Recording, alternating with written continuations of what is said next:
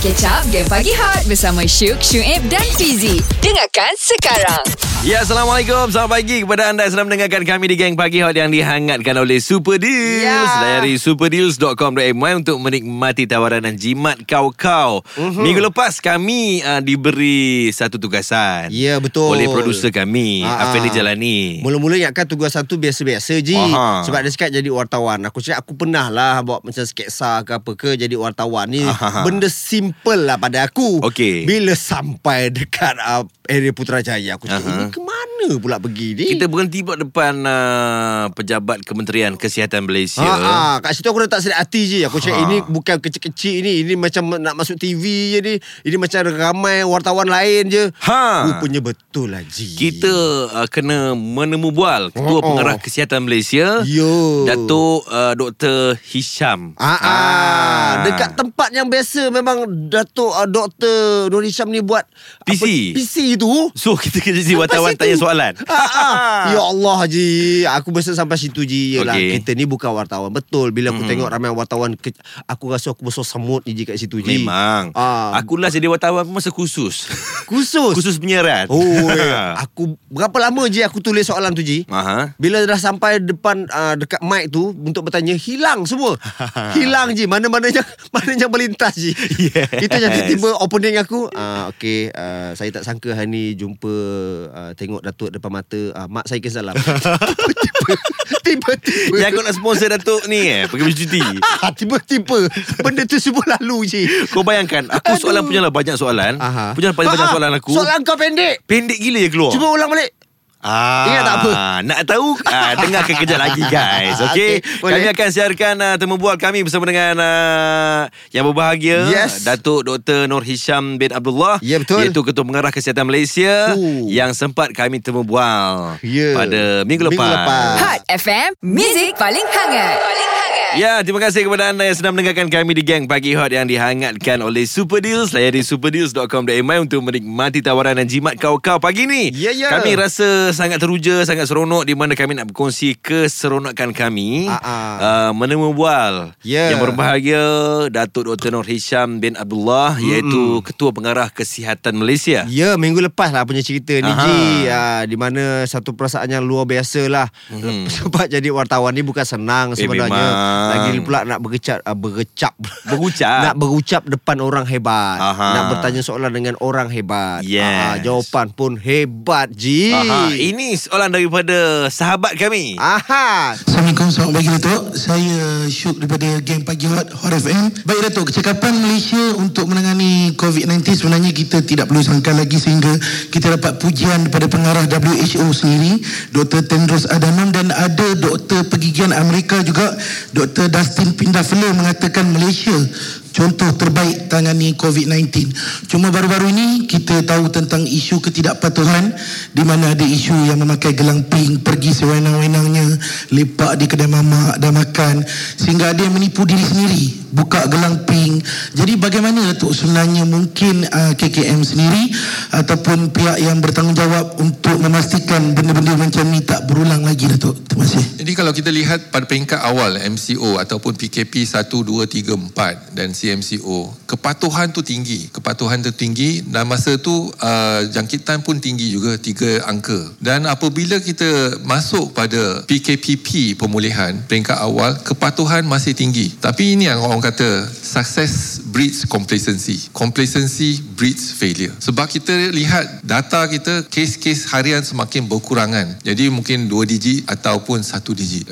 Tiga minggu berturut-turut kita ada satu digit untuk penularan tempatan local transmission. Dan mungkin sebab tu kita dah uh, leka, dah ambil mudah. Nah inilah kita kena uh, memperingatkan rakyat Malaysia untuk patuh kembali kepada SOP. Itu saja yang kaedah yang ada. Kalau tak patuh kepada SOP, kalau virus merebak dalam komuniti tak dapat kita kawal, kita terpaksa balik kepada PKP supaya artificial environment lagi. Semua rakyat Malaysia duduk di rumah supaya uh, kesihatan awam, Kementerian Kesihatan Awam, uh, Kesihatan Malaysia dapat uh, menjalankan aktiviti-aktiviti lampangan uh, kesihatan awam untuk uh, kita uh, mengawal penularan COVID-19 ni. Inilah kaedah yang ada. Iaitu apabila kita lihat PKP pada bulan Mac, ketika tu kes makin meningkat iaitu daripada jemaah tablik, daripada mereka yang pulang melalui luar negara, apa tindakan kita? Kita melaksanakan PKP. Dan dengan PKP kita dapat mendatakan lengkuk yang uh, yang dijangkakan iaitu uh, 6300 kes kita boleh kawal. Jadi tetapi dalam kawalan tersebut amat berharga iaitu sehari lebih kurang 2 bilion atau 2.4 bilion uh, kerugian pada pihak negara, uh, kerajaan dan negara. Ini yang kita li- kena lihat kembali kalau kita sekarang ni perlu patuh kepada SOP dalam fasa PKPP. Awesome ke pagi kurang kalau tak layan game pagi hot? Takkan. So, dengarlah Syuk Syuib dan Fizik. Ya, geng pagi hot dihangatkan oleh Super Deals. Layari superdeals.com.my untuk menikmati tawaran dan jimat kau-kau. Pagi ni kami hmm. rasa sangat teruja ha, dapat menyiarkan atau membual kami bersama dengan yang berbahagia. Ya. Datuk Dr. Nur Hisham bin Abdullah, Ketua hmm. Pengarah Kesihatan Malaysia. Ya Ji, rakyat Malaysia ni sebenarnya Ji eh nak Hmm. cakap eh memang bertanggungjawab Ji. Mhm. Memang mengikut arahan kerajaan Ji. Ha, tapi semakin Ah. hari semakin uh, ada di kalangan kita ni Segelintir. alpa. Ha, alpa lupa Ah. tentang uh, SOP, Betul. pemakaian pelitup muka, Ah. jarak sosial. Jadi Ya. nak tanya, adakah uh, tindakan yang uh, lebih tegas Ya. yang bakal dilakukan oleh Kementerian Kesihatan Malaysia? Silakan Datuk. Uh, tak mustahil untuk kita mendapatkan peningkatan kes mendadak ataupun gelombang ketiga, tak mustahil. Dan sekarang kita lihat pada tiga kaedah kita. Apabila kita lihat kepada SOP, yang pertama ialah kalau, kalau boleh kita elakkan uh, penjarakan yang apa yang kita galakkan uh, penjarakan uh, yang selamat iaitu sekurang-kurangnya satu meter. Yang kedua uh, untuk pemakaian mask. Dan sekarang ni pemakaian mask kita sangat-sangat menggalakkan. Kita uh, melaksanakan uh, akan 1 Ogos ni menjanjikan satu kewajipan uh, pakai mask. Kalau tak pakai mask kita akan ambil tindakan. Jadi kita boleh gunakan ataupun orang kata carrot ataupun guna stick.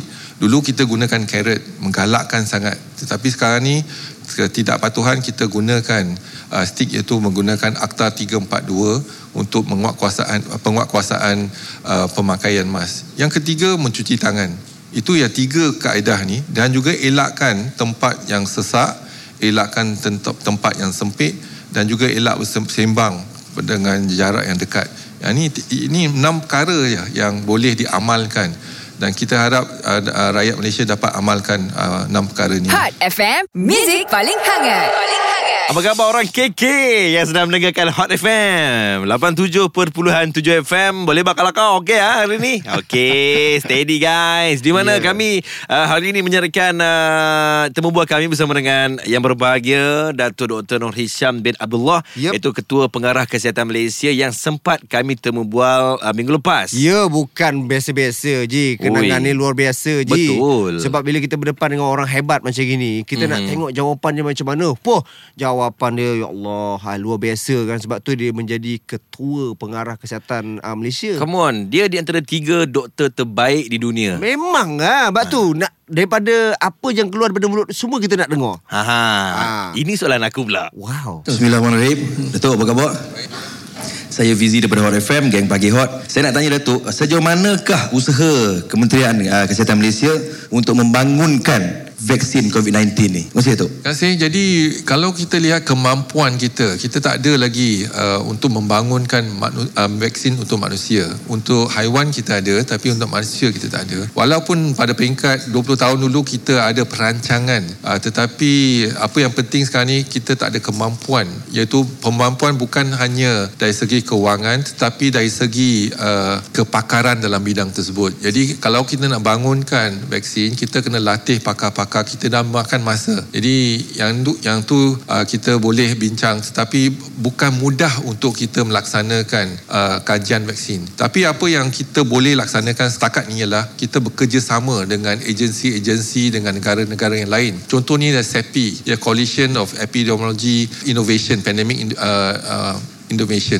Jadi CEPI ini adalah satu persatuan yang melihat kepada uh, kajian-kajian vaksin. Jadi kalau kita boleh bekerjasama dengan persatuan ni, mungkin kita boleh uh, lebih mudah untuk kita menjalankan kajian mengguna pakai kepakaran dalam uh, negara dan juga di luar negara bersama. InsyaAllah Semoga ditemui lah vaksin Untuk melawan COVID-19 ni. Amin Amin Ya, Dahsyat oh soalan kau ah. Soalan kau tu boleh kategorikan intelligent je. Come on lah Biar nampak simple Ah, Tapi biar padat soalan tu Oh. Eh soalan kau bila em? Ah itu dia kau ni bila soalan kau terlalu simple aku dah mulai macam aduh takkan aku nak sesimple kau soalan aku. Kenalah luar biasa. Terus dengar Hot FM Awesome ke pagi kurang kalau tak layan game pagi hot? Takkan. So, dengarlah Syuk Syuib dan Fizik. Ya, selamat pagi. Terima kasih kepada anda yang sedang mendengarkan kami di Gang Pagi Hot. Ingat ya, ah, bermula pada 1 Ogos 2020, uh, pemakaian pelitup muka adalah wajib ya. Ya betul Ah, Orang ajak tanya-tanya tau je kadang-kadang Hmm. macam Eh pakai pelitup muka ni Ya ya dapat apa ni meng- Menghindarkan kita Tapi sebenarnya Pemakaian pelitup muka uh, Disarankan eh Hmm. Dia sebagai penghadang yang mudah Yang dapat membantu Menghalang cecair pernafasan Daripada bergerak Hmm. Lepas tu merebak ke udara Dan orang sekeliling Hmm. ah, Sebab itulah kita Pakai pelitup muka Ah, Untuk mengekang uh, punca jangkitan COVID-19 ni. Iya Jadi kita nak tanya Datuk lah kan. Kita bersama dengan uh, Datuk uh, Dr. Nur Ishan Amrullah iaitu Ketua Pengarah uh, Kesihatan hmm. Malaysia. Adakah uh, pemakaian pelitup muka ni di tempat yang sesak ataupun di semua tempat? Datuk? ah. Yeah, so I think the list will go on. Uh, our intention initially was to implement it in stages. Uh, the first, as I said, uh, in the plane public transport is a must. Uh, even before we approved the full capacity of the public transport, like planes and etc., the, the it was uh, uh, it is a must actually to put on a mask, right? So that the caveat is to put on a mask then. Uh, and now we look into um, public places, namely uh, if it's a very uh, congested uh, public places, not only a public places uh, like car park and all that. Probably if there's a social distancing, that's not an issue. The issue is that when there's no social distancing in the public places. Uh, that's where I think that the implementation can come in, uh, in, in, in terms of the enforcement. But if you're alone in the public places or even not crowded, uh, then not, that's not an issue. Uh, so, but eventually we are giving a period of uh, one month that uh, to, uh, to so that we can uh, look into the implementation and also access to the mask. The poor and the needy must be given a mask as well. So if everyone have the access to mask, then maybe after the PKPP, then we will certainly enforce. Uh, once you come up, you step out of your house, you have to put on a mask. Likewise now in Melbourne, they are doing it the same. Uh, kalau keluar rumah, mesti pakai mask. Jadi kalau pakai mask tapi kalau tengah nak makan boleh buka mask ataupun kalau nak bucap boleh buka mask. Tapi masa tu tak sesak. Yang penting ialah social distancing tu. Kalau kita boleh uh, guna pakai uh, cara uh, penjarakan yang selamat dan juga penggunaan mask kalau boleh. Ah, itu dia. Pesanan Ah. daripada Datuk Dr. Nur Hisham kita ya. Ya Awesome ke pagi kurang kalau tak layan game pagi hot? Takkan. So, dengarlah Syuk Syuib dan Fizik. Ya, geng pagi hot dihangatkan oleh Super Deals. Layari superdeals.com.my untuk menikmati tawaran dan jimat kau-kau. Kami uh, menemu bual Ya. Datuk Dr. Nur Hisham bin Abdullah. Betul Itu Ketua Pengarah Kesihatan Malaysia uh, baru-baru ini. Hmm. Uh, dan hari ini kami sangat berbesar hati untuk menyiarkannya. Ya Dan agar kita boleh sama-sama ambil intipati yang disampaikan oleh hero kita ni. Ah, ah, sebab Aha. soalan bukan biasa-biasa Ji Hmm. Soalan luar biasa Memang. Dan jawapan pun memang luar biasa Eh, ini soalan kau kan? Ini soalan aku ni Cuba aku tanya Datuk. Ah, soalannya adalah adakah Kementerian ah, Kesihatan Malaysia akan bekerjasama dengan Kementerian Pendidikan Malaysia untuk menjadikan ah, public health ni Mhm. ah, salah satu mungkin syllabus. Ah, terima kasih. Yang itu cadangan yang amat baik. Ya. Jadi kita dalam proses uh, untuk melihat bagaimana kita boleh uh, masukkan silibus-silibus uh, uh, kesihatan awam dalam uh, pembelajaran uh, di uh, Kementerian uh, Pelajaran. Jadi memang cadangan tu dah pun uh, di uh, uh, dimaklumkan kepada kita dan juga sekarang ni kita ambil tindakan uh, untuk melah, melihat uh, kesihatan awam dalam uh, kanak-kanak contohnya jadi uh, apa yang kita laksanakan setakat ni dan bagaimana kita boleh keluarkan silibus untuk diamalkan. Yang ni memang kita telah bincangkan dan uh, kita akan uh, susuli. Dengarkan Game Pagi Hot setiap Isnin hingga Jumaat jam 6 hingga 10 pagi bersama Syuk, Syuib dan Fizi. Assalamualaikum Selamat pagi kepada anda yang sedang mendengarkan kami di Gang Pagi Hot Yang dihangatkan oleh Super Deals Layari yep. superdeals.com.my Untuk menikmati tawaran dan jimat kau-kau Pagi ni Fizi dengan Suhaib menemani anda Ya. Minggu lepas kami dicabar oleh uh, produser kami Untuk menjadi wartawan Tak sangka pula yang uh, kami terpaksa menemubual uh, Yang berbahagia Ya. Datuk Dr. Nur Hisham bin Abdullah Ya. Iaitu Ketua Pengarah Kesihatan Malaysia Oh bukan biasa-biasa je Biasa ni Oi. kita tengok kat TV Setiap petang Aha. kan Bila sampai dekat sana pula Dekat Kementerian Kesihatan Malaysia Mhm. Kena interview Aku jadi tak tentu arah je sebenarnya Tak aku kali pertama berdepan dengan dia Dia punya aura lain macam ah. Lain macam Ji Mhm. mm-hmm. ha, Lepas tu uh, Jawapan-jawapannya dia, dia diberikan Mhm. mm-hmm. Luar biasa Seronok nak mendengar Ah. ha. Soalan kau bila eh? Sekejap so Relax satu-satu Ji Eh ni kita nak pesan lah Pada mereka yang mungkin Baru balik daripada kampung Aha. Hari ni dah kena start kerja Okey. tu ha, Jangan lihat-lihat sangat Ini jam jam 8 ni Baru nak keluar rumah kan Ah. ha, Senyum sikit Senyum sikit Ah. Walaupun anda pakai pelitup muka Tapi senyuman dapat dilihat daripada, daripada, mata Daripada mata Ha. ha. Itulah lain kali simpan cuti Kenapa Dah tak ada cuti ah, Terpaksa kerja hari ni kan Cuti 2-3 hari je balik raya Tapi jadilah tu Ah, Okey lah tu okeylah. Ah. Hot FM, Music paling hangat. Paling hangat. Geng Pagi Hot eh, Menemu bual Yang berbahagia Datuk Dr. Noh Hisham bin Abdullah ah, Ketua Pengarah Kesihatan Malaysia Anda sedang mendengarkan Geng Pagi Hot Yang dihangatkan oleh Super Deals Layari superdeals.com.my Untuk menikmati tawaran dan jimat kau-kau Ya, pada yang dah keluar rumah tu Hmm. terlupa bawa pelitup muka, Ah. apa kata singgahlah mana-mana kedai, Hmm. farmasi ke, cari pelitup muka buat simpanan dalam beg, dalam kereta. Hmm. Pakai sentiasa guys Ah, ah, bawa spare banyak-banyak sikit. Mhm. Ah, kadang mungkin orang lain tak ada tu mungkin boleh bantu bagi. Ah, bak kita sama-sama kan tolong. Ah, hashtag kita jaga kita. Eh, Ya. soalan kau bila eh kalau nak keluar ni? Kau nak sangat kan? Ah. Ah, ini aku bagi. Ah, Assalamualaikum dan selamat pagi Datuk. Ah, saya Shu'aib daripada Gang Pagi Hot, Hot FM. Ah, macam tak percaya saya ni, saya depan Datuk sebab saya biasa tengok Datuk depan TV apa dalam TV je. Mak saya ke salam Datuk. Baik. Datuk, ah, apabila Malaysia dilanda pandemik ah, COVID-19 pada pertengahan bulan 3 and of course baris, ah, barisan hadapan termasuk Datuk sendiri antara orang yang yang sangat sibuk bertungkus lumus setiap hari memberikan info, memberikan uh, status COVID-19 setiap hari. Saya rasa memang Datuk penat kan disebabkan kesibukan itu. Jadi minta maaf atas soalan saya yang mungkin agak susah untuk jawab uh, untuk Datuk jawab. Datuk ada plan nak cuti tak Datuk? Di mana-mana? Terima kasih. Jadi bukan saya je yang penat. Jadi Ah. semua uh, petugas uh, barisan hadapan juga penat. Kita kerja dah uh, tujuh bulan kerja Yes. tak berhenti. Uh, dan baru-baru ni kita masa kes makin berkurangan. Uh, jadi kita benarkan petugas-petugas kita untuk uh, take a break dan cuti lah. Jadi yang tu yang kita bagikan uh, masa uh, kepada mereka kembali. Kita juga bimbang kalau kes uh, meningkat secara mendadak, jadi petugas kena bekerja semula.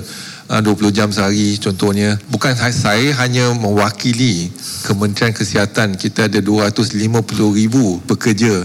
Dan juga ramai juga petugas-petugas uh, barisan hadapan. Dan uh, jadi kerjasama padu lah antara kita ni melihat kepada satu tindak satu je matlamat kita untuk kita memutuskan rantaian jangkitan COVID-19 dalam negara kita. Itu saja yang penting. Jadi kalau kita bekerja sebagai satu pasukan kita dapat lihat uh, kebanyakan mereka you know give their heart and soul dalam uh, tugas kita. Yang pasti bukan saya seorang tapi uh, di Kementerian Kesihatan setiap hari kita ada mesyuarat tak henti pagi daripada kita mula uh, mesyuarat pada pagi pukul 8 sampai pukul 9 9 kita akan mesyuarat dengan uh, agensi-agensi yang lain di uh, pengurusikan oleh Datuk Seri Ismail Sabri. Dan uh, pukul 11.30 ada kalanya tiga kali seminggu dua kali seminggu uh, akan dipengurusikan oleh Perdana Menteri. Lepas tu pukul 2 data-data yang kita bagi dalam sidang media mungkin dalam sepatah dua yang kita, uh, kata yang kita boleh katakan melihat pada data tersebut tetapi untuk mengumpulkan maklumat tersebut satu negara bukan perkara yang mudah Betul. dan ramai yang terlibat dalam uh, operasi kita untuk mendapatkan data-data uh, dalam tempoh 24 jam Hot FM, Music paling hangat. Paling hangat. Ya, pagi ni geng Pagi Hot Menemu bual Datuk Dr. Nur Hisham bin Abdullah Iaitu Ketua Pengarah Kesihatan Malaysia Yap. Anda sedang mendengarkan geng Pagi Hot Di Putrajaya 97.6 FM Yang dihangatkan oleh Super Deals Layari superdeals.com.my Untuk menikmati tawaran yang jimat kau-kau Ya dah macam-macam soalan yang kita tanya Ji. Mhm. Ha, ha jadi jawapan-jawapan yang kita terima pun oh, luar biasa Ji. Okey. Ha cuma ini kita nak tanyalah ya kepada Datuk Dr Nur Hisham ha, Mhm. untuk maklumat ataupun data yang lebih terperinci. Jadi boleh kita bagikan lebih detail lagi tapi kita punya petugas kena dapatkan data-data. Kalau data tu dalam Kementerian Kesihatan mudah sikit.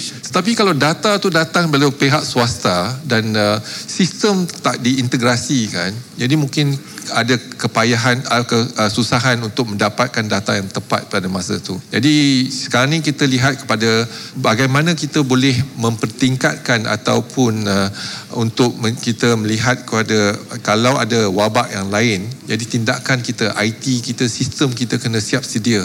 Bukan masa uh, krisis baru kita nak perkenalkan sistem-sistem, tapi sistem dah ada baru kita boleh cepat dalam tindakan kita. Kalau kita lihat sekarang ni setakat ni kejayaan kita kat Malaysia ni yang satu ialah kepimpinan kita. Kepimpinan iaitu uh, uh, Perdana Menteri mendengar pada nasihat Kementerian Kesihatan. Kalau yang uh, ketua negara tak mendengar kepada uh, pakar-pakar, jadi masalah dia kita boleh bandingkan negara dengan negara lain. Yang itu yang pertama dan dan percaya kepada uh, pakar-pakar kita ataupun uh, penjawat awam. Yang itu yang pertama. Yang kedua pelaksanaan kita cepat dan tepat. Jadi kita buat satu contoh dalam mesyuarat kita setuju besok lusa kita laksanakan. lah. Jadi cepat kita laksanakan.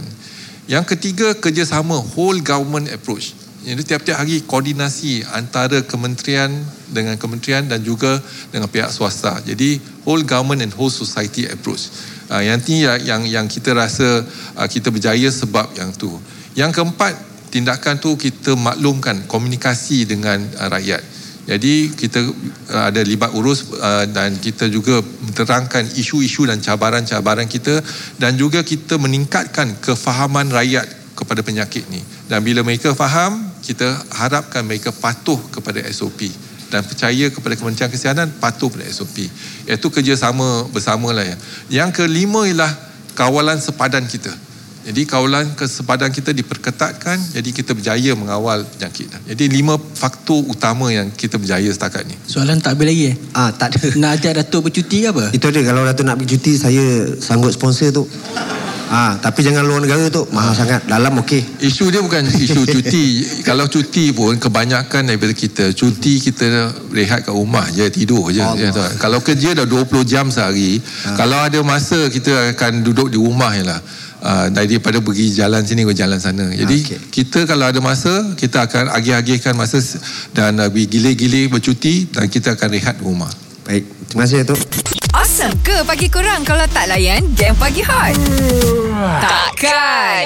So, dengarlah Syuk Syuib dan Fizik. Hai, tengah buat apa tu guys? Anda sedang mendengarkan Geng Pagi Hot yang dihangatkan oleh Super Deals. Layari superdeals.com.my untuk menikmati tawaran dan jimat kau-kau ingat. Ya. Guys, uh, sentiasa jaga jarak sosial. Jangan rapat-rapat sangat. Ah. Ah, jangan bersalam-salaman. Betul. Pakai hand sanitizer. Pakai pelitup muka. Yes. Ah, ah, lepas tu kalau yang sedang memandu pun kereta jangan rapat-rapat. Ha? Bukanlah Ah, aku betul. kereta tu boleh dijangkiti COVID. Tidak. Tidak. Jangan rapat-rapat kan cium kereta depan. Ah. Kan yang belakang cium kereta. Ah, macam gitu lah. Tak mau mencium-cium kereta pula pagi ni. Kan bergaduh pula pagi ni. Mak aku Ah. mak aku hari hari Ahad ji. Mhm. Keretanya bergesel ji. Semalam ah? Ah, oi, menangis mak aku. Kau tahu lah mak perempuan. Mak kau kan. Ah, ah, dia tak boleh kereta dia bergesel-gesel dia tak maunya dia. ah, ah, jadi bawa kereta buah hati-hati ya. Okey, baiklah. Hmm. Uh, kami hari ini sedang menyiarkan kembali Temu Bual kami bersama dengan uh, yang berbahagia Ya. uh, Datuk Dr. Nur Hisham bin Abdullah iaitu Ketua Pengarah Kesihatan Malaysia. Ya betul. Kami uh, minggu lepas dicabar oleh kami punya produser Produser. untuk menjadi wartawan. Tak sangka Ya. kami kena menemu bual Mm-mm. Uh, hero negara kita ni. Deh, ya Allah, hai. Ini hero yang didambakan seluruh Malaysia Ji. Betul. Ha, aku ingatkan biasa-biasa punya interview kan. Mm. Tapi pada pada akulah kita berjaya Ji. kita berjaya Ji. Eh, hey, Syuk, silakan soalan Syuk, silakan soalan. Baik, terima kasih. Uh, ini merupakan soalan daripada kami bertiga tu. Game Pagi Hot daripada Hot FM. Minta maaf lah kalau saya lari sikit daripada isu topik COVID-19. Baik, Datuk, uh, kelihatan sebab ketika mengumumkan persaraan rakan sejawat Timbalan Ketua Pengarah Kesihatan Perubatan Datuk Dr. Waizat Yun yang dianggap sebagai parlimen yang sentiasa ada di sisi pada sidang media tempoh hari. Jadi selaku kami sahabat yang bekerja bersama boleh tak kalau kami nak dengar sendiri pada Datuk ulas tentang semangat setiap kawan yang perlu ada dalam sabatan dan juga pekerjaan Datuk. Jadi kalau kita lihat kan sekarang ni kalau kita punya staff lah yang kerja tujuh bulan uh, berturut-turut uh, setiap hari dan hampir 20 jam jadi semua panglima-panglima di depan kita. Kalau kita kehilangan panglima kita untuk kita apa ni uh, menguruskan uh, penyakit COVID-19, itu satu kehilangan yang besar. Uh, jadi apa yang penting ialah semua setiap individu di Kementerian Kesihatan berperanan daripada bawah hingga ke atas. Daripada frontliner hingga ke KP Kesihatan semua ada peranan masing-masing. Dan bukan hanya tanggungjawab seorang, itu tanggungjawab bersama. Uh, jadi kita uh, ialah kita menghargai uh, frontliner kita lah jadi di lampangan uh, juga yang mereka saya tahu siapa yang kerja siapa yang tak kerja eh. jadi setiap hari data-data kita iaitu perbincangan kita uh, dan kalau KP kesihatan pun kerja 20 jam sehari uh, dengan uh, social media lagi siang malam uh, untuk memaklumkan jadi dalam dalam kita suasana begitu, jadi kita kerja sebagai satu pasukan dan informasi mereka memberikan maklumat terkini kepada saya. Contohnya di makmal, contohnya di kesihatan awam, contoh di hospital, berapa kes di ICU, siapa di ICU, semua saya kena lihat dan informasi itu diberikan dengan cepat dan tepat dalam masa tempoh uh, kurang daripada 12 jam. Jadi kita berkomunikasi menggunakan handphone sekarang ni dan maklumat hanya gambar, video, uh, juga data-data semua uh, mungkin tengah malam juga akan di teks. Dua pagi pun kita kena menggunakan uh, kalau benda tu penting urgent kita akan laksanakan. Contohnya kalau kita lihat pada 25 Februari uh, kita dicabar oleh negara lain iaitu makmal kita tak tepat dalam melaksanakan ujian kita hmm. oleh CDC contohnya. Jadi sebelum mereka uh, membangkitkan isu-isu tu kita dah laksanakan dua kali ujian RT PCR dalam tempoh 8 jam. Dua-dua positif. Alamak. Oh, mendebarkan lah. Nervous ya. Ah, sambungannya kejap lagi guys. Yeah. Terus dengar Hot FM. Awesome ke pagi korang kalau tak layan game pagi hot? Takkan. So, dengarlah Syuk Syuib dan Fizik. Salam 3 Ogos 2020 kepada anda yang sedang mendengarkan geng pagi hot yang dihangatkan oleh Super Deals. Layari superdeals.com.my untuk menikmati tawaran yang jimat kau-kau. Ya jimat kau-kau Ji Tapi ini tak jimat sangat lah Ji Sebab Mhm. apa Aku daripada tadi Macam tertanya-tanya Dan mendebarkan pula Aha. Nak tahu jawapan Pasal yang Dua positif tu Ji Ah. Dua orang positif tu Yang kita dicabar tu Mak-mak kita dicabar tu Ha. Okey Tok sama Tok dan dua-dua positif dan kita maklumkan. Lepas tu mereka tak puas hati. Mereka kata mungkin kita punya pakar tu lain. Dan kita kenalkan pakar kita dengan pakar mereka. Dan bila perkenalkan dua-dua pakar, dua-dua pakar kenal sama sa- satu sama lain. Mereka sering berjumpa di Geneva WHO punya mesyuarat. Jadi mereka percaya kepada makmal kita. Lepas tu kita tambah lagi dengan maklumat yang terkini iaitu kita menggunakan serologi iaitu antibody. Kalau antibody positif berarti pesakit tersebut telah terdedah. Ha, jadi kita menggunakan banyak lagi maklumat untuk kita mempertahankan jadi makmal kita dan sebagainya. Jadi kerjasama padu antara uh, pasukan di Kementerian Kesihatan itu penting. Dan kita ada iaitu kesihatan awam, kita ada bahagian um, uh, penyidikan dan uh, uh, sokongan teknikal, makmal dan sebagainya. Kita ada hospital. Tiga-tiga tu kita integrasikan bekerja sebagai satu uh, pasukan. Saya mungkin dalam tugas saya sebagai koordinasi antara tiga-tiga bahagian ataupun program dan melibatkan juga jurawat dan juga doktor dan sebagainya. Jadi kita kena lihat sumber perolehan dan sebagainya. Jadi banyak kita lihat secara keseluruhan tetapi mereka melihat kepada lebih detail kepada uh, subject matter expert, kepakaran masing-masing. Jadi itulah koordinasi yang kita. Setiap individu adalah amat penting kepada Kementerian Kesihatan. Jadi kalau saya saya menghargai mereka lah yang ni. Especially the frontliners pakai PPE pergi buat contact tracing pada pukul 12 tengah hari hmm. banding dengan kalau di UK ke ataupun New Zealand tempat sejuk tak apa. Ini tu berdalam tu berpeluh-peluh macam mandi kat dalam tu tubuh peluh, mandi peluh gitu. Jadi inilah uh, frontliner kita banyak berkorban. Jadi kalau semalam kita lihat uh, memang kita sedih tengok uh, uh, isu tu sebab dah tujuh bulan kita kerja keras untuk kita pastikan elakkan jangkitan. Mm-hmm. Ini mungkin satu uh, isu yang kita lihat penjarakan tak ada kalau ada penularan ataupun gelombang ketiga.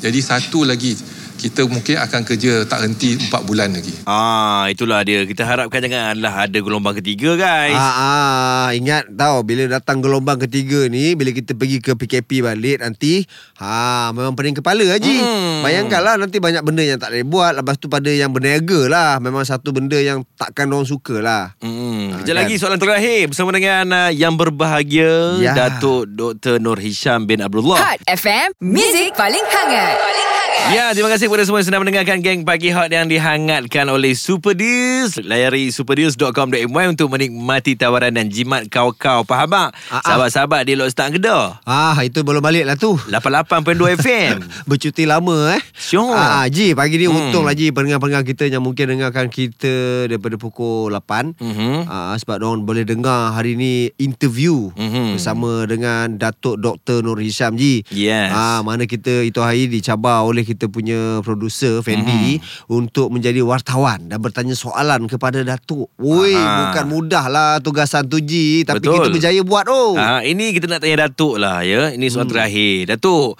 bagaimana prestasi kerja ah, sahabat-sahabat kita dekat KKM? Okay, from personal level, jadi dalam pandemic COVID ni, it brings the best out of a person and also it bring the worst out of a person.